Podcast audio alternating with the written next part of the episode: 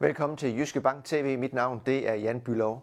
Jeg har lige publiceret en ny olieprognose her for december, hvor jeg ser ind i 2024.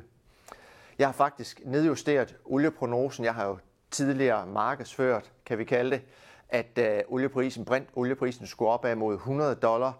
Jeg har sat ned med 10, 10 øh, procent, så at jeg nu ser brint olieprisen stigende mod øh, niveauet 90 dollar i løbet af næste år. Og det er faktisk fordi, at øh, OPEC her i december, de holdt et ordinært møde, hvor de skulle lægge deres produktionsplan øh, klar for næste år, eller det man der også hedder forward guidance. Og det blev ikke taget særlig godt imod øh, af oliemarkedet. Olieprisen er faktisk faldt kraftigt. Og det skal jeg jo selvfølgelig også, skal vi sige, respektere, hvad er det markedet gør, og hvordan ser det så ud, når vi kigger frem efter.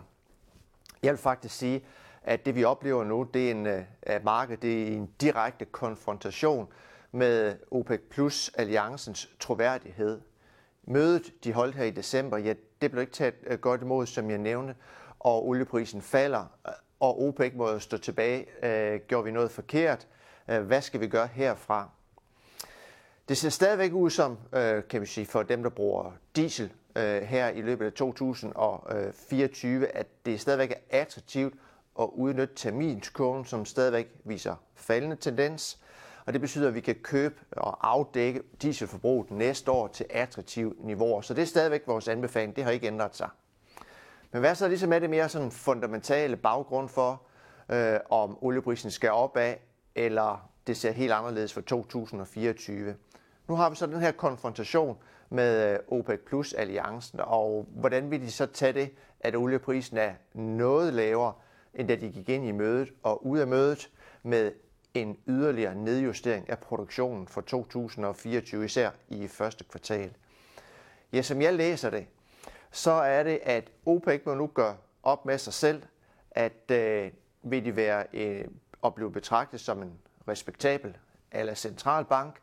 Det vil sige, at de skal stå klar med nye indgreb. Det er der rigtig mange i markedet, der stiller tvivl om, om de kan, og de vil, og de er jo forskellige mennesker, og de har taget fejl før, og, og, og al den her historik, der er omkring øh, OPEC. Jeg mener stadigvæk, at OPEC at det er stærkt integreret, og dermed der er en høj sandsynlighed for, at de kommer med nye tiltag. Og hvad skal så være triggerpunktet eller begivenhed for, at de ligesom kommer med nye øh, øh, tiltag? Ja, hvis vi oplever, og det er der faktisk en, en rimelig chance for her øh, på vejen ind i øh, første kvartal, at øh, niveauet 70 dollar i brint, at det vil blive udfordret.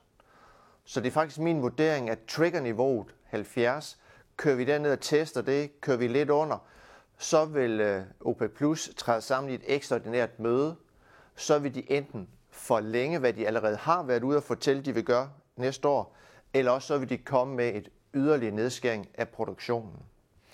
Så det vil faktisk sige for de kommercielle forbrugere af diesel herhjemme i Danmark, ja, så er der et vindue mellem, øh, skal vi sige, i dag, og så ind i, øh, 2000, øh, i starten af 2024 i første kvartal, hvor vi går og venter på, at der begynder at komme det forventede træk på verdens olielager, og så begynder olieprisen at køre op.